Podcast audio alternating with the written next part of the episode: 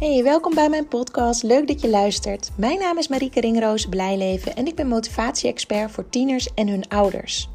Zodra je tiener naar de middelbare school gaat, verandert er direct al heel erg veel. Je tiener heeft opeens een weerwoord, is veel weg, doet niks aan school. En wij moeten mee veranderen als ouder. Maar hoe doe je dat? Moet je grenzen stellen of loslaten? We hebben het idee dat hij zoveel meer kan, maar niks doet. School lijkt hem gewoon niet te boeien. Elke dag ruzie over huiswerk en dan dat uitstelgedrag. Wat moet je ermee? En al die strijd, kan dat ook anders? Het antwoord is ja.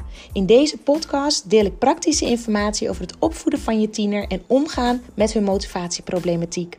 Handvatten, inspiratie, tips en tools om meer positiviteit, rust, ontspanning en gezelligheid te ervaren binnen het gezin. Want dat willen we toch allemaal? Ben je er klaar voor? Let's go! Yes, weer tijd voor een nieuwe podcast en leuk dat je weer luistert. Ik heb vandaag uh, zes mentoruren gegeven. Uh, een vliegende start noemen we het ook wel voor de examenklassen op, uh, op een middelbare school.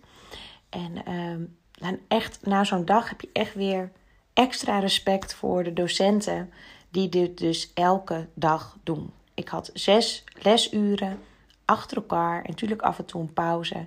En als je net klaar bent of nog niet eens helemaal klaar bent met een, met een les, staat de volgende klas eigenlijk alweer voor de deur. En het is, ik heb natuurlijk zelf heel lang in het onderwijs gewerkt, maar ik was dat gevoel weer even kwijt hoe dat ook alweer was.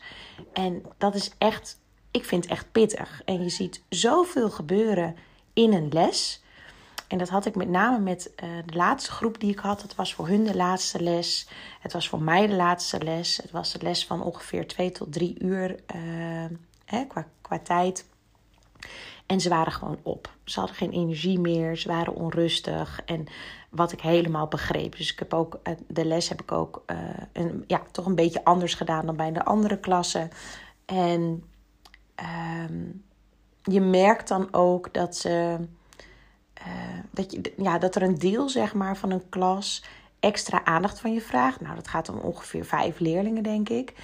En dat een heel groot deel ook gewoon stil is en heel belangstellend luistert.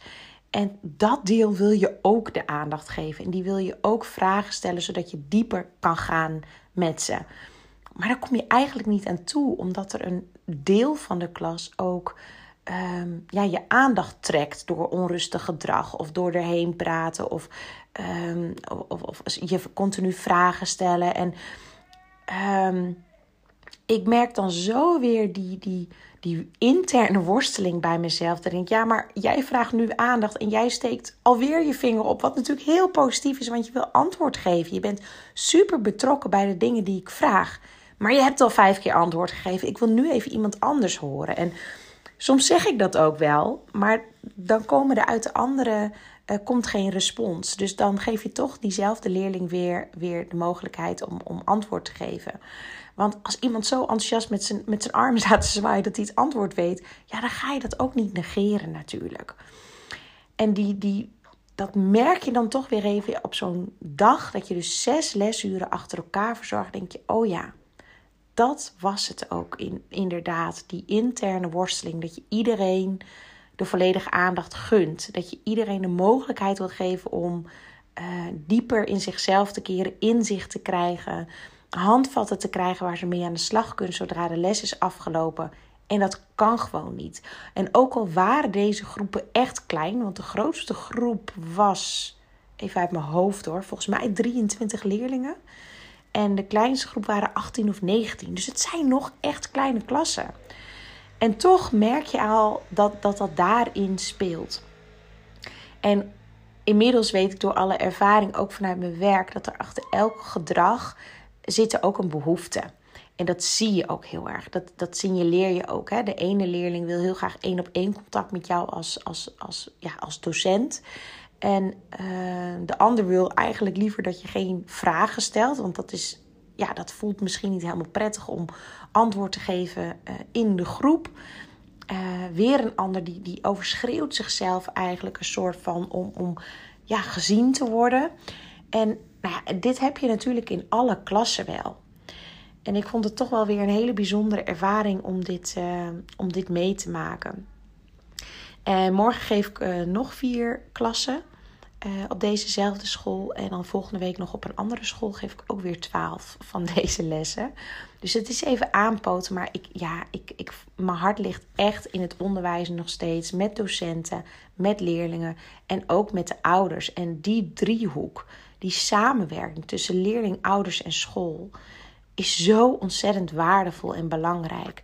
Want je merkt gewoon dat alle partijen, laat ik het even zo zeggen, over elkaar praten. Ze wijzen naar elkaar. Die docent doet dit fout. Een docent zegt weer, ja, die leerling doet dit en dit zo onhandig en, en niet goed.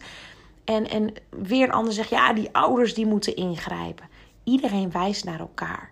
En wat gebeurt er als iedereen naar elkaar wijst? Dan pakt niemand verantwoordelijkheid. Niemand voelt zich verantwoordelijk om het op te pakken. En dat is een hele interessante. Want zolang dat speelt, gebeurt er niks. En dit zie ik op alle scholen terug. Dit zie ik bij alle gezinnen terug, bij alle ouders, bij alle tieners. Het wijzen naar elkaar en geen verantwoordelijkheid pakken. Hier heb ik een tijdje geleden ook een podcast over opgenomen. Ik weet even niet uit mijn hoofd welk nummer het is. Um, maar aan de titel kan je het ongetwijfeld zien. Iets in de trant van pak je verantwoordelijkheid. Um, maar verder wil ik deze podcast helemaal, niet hierover uh, verder hebben. Maar dat was even een klein uh, inkijkje in, in mijn dag van vandaag, in mijn werkdag. Dus ik, uh, ik heb voor mij een pittige werkdag achter de rug. En ik word ook zo weer gesterkt door het verzorgen van deze lessen. De interactie weer te hebben. En in, in de docententraining die ik aan het ontwikkelen ben, die ik voor een deel al staat en voor een deel ook nog ga vormgeven terwijl ik de docententraining straks in september al ga geven. Door de input van de docenten waar we tegenaan lopen, wat naar voren komt, ehm, ja, pak ik weer dingen mee die ik ook weer meeneem in de module daarna en dergelijke. Maar elke keer de dingen die ik tegenkom, elke dag weer in het contact met docenten, leerlingen en ouders denk ja, dit zit in mijn programma. Dit zit in het programma. Hoe waardevol wil je het hebben? Echt, ik, word er met de dag enthousiaster. Ehm, maar waar ik eigenlijk in deze podcast over wilde hebben. Ik ben uiteraard, zoals jullie inmiddels van mij gewend zijn, weer een vet interessant boek aan het lezen. Ik weet eigenlijk helemaal niet hoe je haar naam uitspreekt. Maar het boek heet in ieder geval ehm, Get It Done. En haar naam, Ailet Fischbach ik spreek het vast helemaal verkeerd uit. Maar het gaat in ieder geval over uh, verrassende lessen uit de wetenschap over motivatie en je doelen bereiken zonder stress. Nou, je snapt dat die titel mij aansprak. Ik was maar in het Engels aan het luisteren op, uh, op Storytel. En als ik dan aanga op een boek die ik aan het luisteren ben, denk ik, die moet ik in mijn kast hebben. Die moet ik lezen. En soms vind ik het ook gewoon fijner om hem ook in het Nederlands uh, te lezen. Dat, ja, dan, dan sla ik het toch nog weer op een andere manier op dan dat ik het allemaal in het Engels hoor. En wat ik heel mooi vind aan dit boek, dit boek geeft eigenlijk aan wanneer bepaalde doelen behaald worden en wanneer niet. Dus als een doel ehm, abstract is, dus stel dat je zegt: ehm, Ik wil gezond leven leiden, dan geef je eigenlijk niet aan wat jij gaat doen, wat jij moet doen om dat gezonde leven te leiden. En de vraag is dan: hoe ga je dat dan behalen, dat doel? Wat ga je dan doen?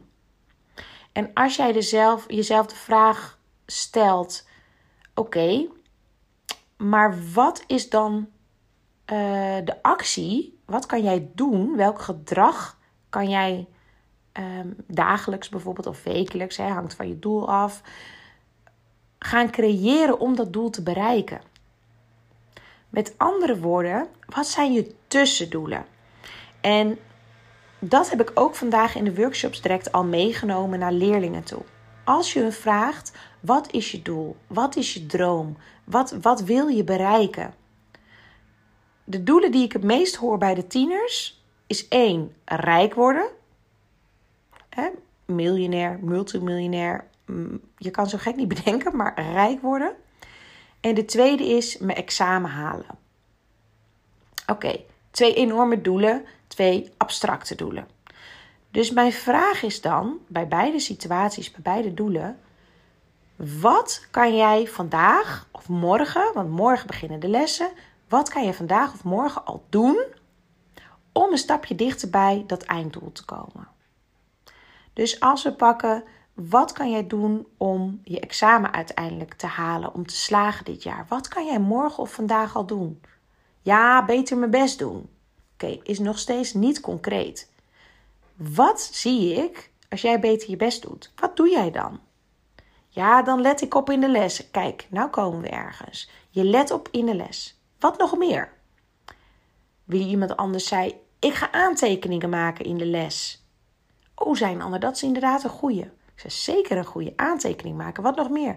Ja, mijn huiswerk beter doen.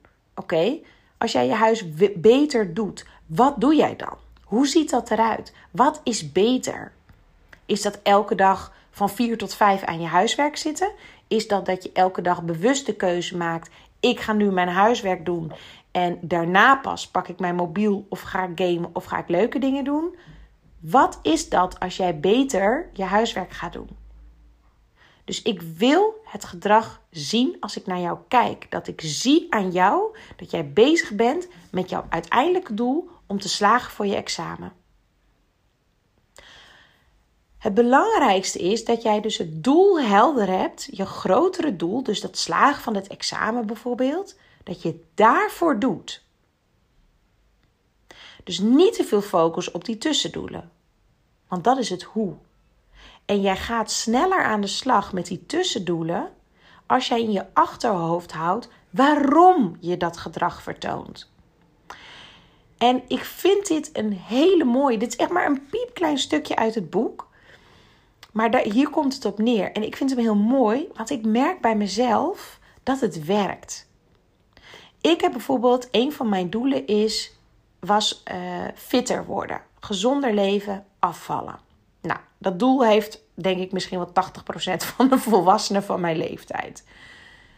Maar in plaats van dat ik dat alleen maar als doel had, ben ik de afspraak met mezelf gaan maken, begin dit jaar al. Ik ga elke dag alleen maar groene, pure groene thee en water drinken. Verder drink ik niks. Alleen maar groene thee en water. Ik eet gezond. Ik zorg dat ik veel fruit, veel groente eet. En ik ga drie keer per week hardlopen en krachttraining doen. De zondag, de woensdag, de vrijdag. Hele concrete dingen. Ik ben hier nu een tijd mee bezig. En ik ben inmiddels, nou, ik ben denk ik nu maand of twee maand, zoiets, ben ik heel serieus mee bezig. Dus ik heb best een beetje lang laten versloffen. In de vakantie is altijd makkelijker. Heb je meer focus, meer tijd voor dat soort dingen. Maar ik ben wel 4 kilo kwijt. En alleen maar door mij daarop te focussen. En door die ervaring merk ik gewoon dat je je doelen behaalt. Omdat je concrete acties hebt wat jij gaat doen om uiteindelijk dat doel te bereiken. En als je een keer geen zin hebt, denk jij weer aan dat grote doel. Ja, maar ik wilde strakker in mijn vel zitten. Ik wil weer een kledingmaat kleiner hebben. Dat is mijn doel. Dus als ik er nu voor kies om deze actie niet te doen, ben ik niet meer bezig met naar dat doel te werken. En aan de tieners heb ik hem uitgelegd met een plaatje. En die ken je misschien ook wel van twee ladders naast elkaar. De ene ladder heeft een trede die, uh, waar je met je arm, als je arm omhoog doet, nog niet eens bij de eerste trede kan. En de andere ladder heeft allemaal kleine tredes waarbij het poppetje al helemaal boven staat. Als jij je doel vaag hebt en je weet eigenlijk niet wat er nodig is om bij die eerste trede te komen, dan zit jij dus bij die ladder waar je armen omhoog reikt, waar je niet eens de eerste tree op kan. Dan is je doel te vaag of te groot of te onduidelijk. Dus die tussendoelen, die kleine treetjes, zijn nodig om makkelijker daarboven te komen bij je einddoel. En zo heb ik hem ook aan de tieners uitgelegd. En dit is zo mega waardevol. Want opeens zien ze dat zij zelf invloed hebben op datgene wat ze willen bereiken. En als zij ervoor kiezen om te gaan kletsen in de les en niet aantekeningen mee te schrijven, zijn ze niet meer met hun doel bezig. En daar kan je ze dus op aanspreken. En je zag gewoon dat het een eye-opener was voor hun. Ik ben gaan doorvragen totdat er helder was, tot ze scherp hadden wat voor acties zij konden doen om dichter bij dat doel te komen. En ook bij het rijk worden. Maar over het doel rijk worden, daar vind ik wat van. En niet dat ik een oordeel heb, maar ik weet inmiddels dat als je rijk wil worden, je wilt dure spullen kopen, je wil een dure auto, je dure merkkleding, want daar ging het bij heel veel om. Dan zit er een stuk in je zelfvertrouwen. Als jij namelijk die merk nodig hebt, als jij een dure auto nodig hebt, dure kleding, als jij iedereen loopt te verkondigen hoe ver jij op vakantie gaat, dan heb je dat nodig om te laten zien dat je het waard bent, dat je ertoe doet, dat je iemand bent. Als jij diep van binnen het zelfvertrouwen voelt en weet dat jij helemaal oké bent zoals je bent, zonder allemaal extra's zonder dure merken, zonder grote auto, zonder veel geld, dan heb je in de kern je zelfvertrouwen op orde, zeg maar. Als jij de buitenwereld heel erg wil laten weten en laten zien wat je allemaal bezit, dan zoek jij je bevestiging dus in de buitenwereld. Dan zoek jij dus bevestiging dat jij oké bent.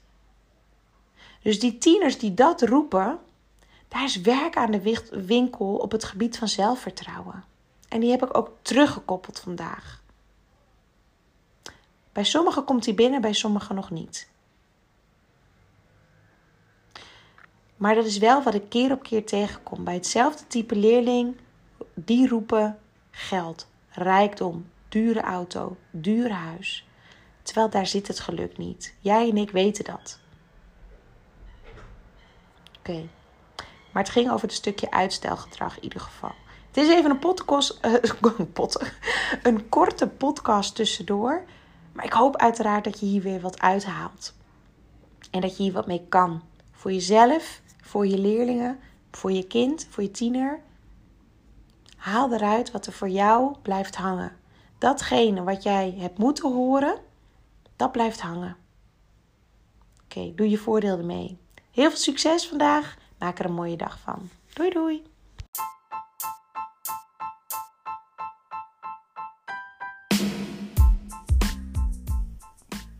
Dit was weer een aflevering van mijn podcast. Heel erg leuk dat je hebt geluisterd en ik hoop dat jullie weer een stukje wijzer zijn geworden rondom het thema puberjongens en motivatieproblematiek. Wil je meer weten? Ga dan naar www.coachpraktijkblijleven.nl. Ik ben altijd heel erg benieuwd wat jullie van deze podcast vonden. Eh, zodat ik ook weet of ik op de goede weg ben en wat jullie vooral interessant vinden en wat jullie eruit halen. Wil je mij dat laten weten? Dan vind ik dat hartstikke leuk. Dat kan via Facebook, via Instagram of via LinkedIn. Alvast bedankt en een fijne dag.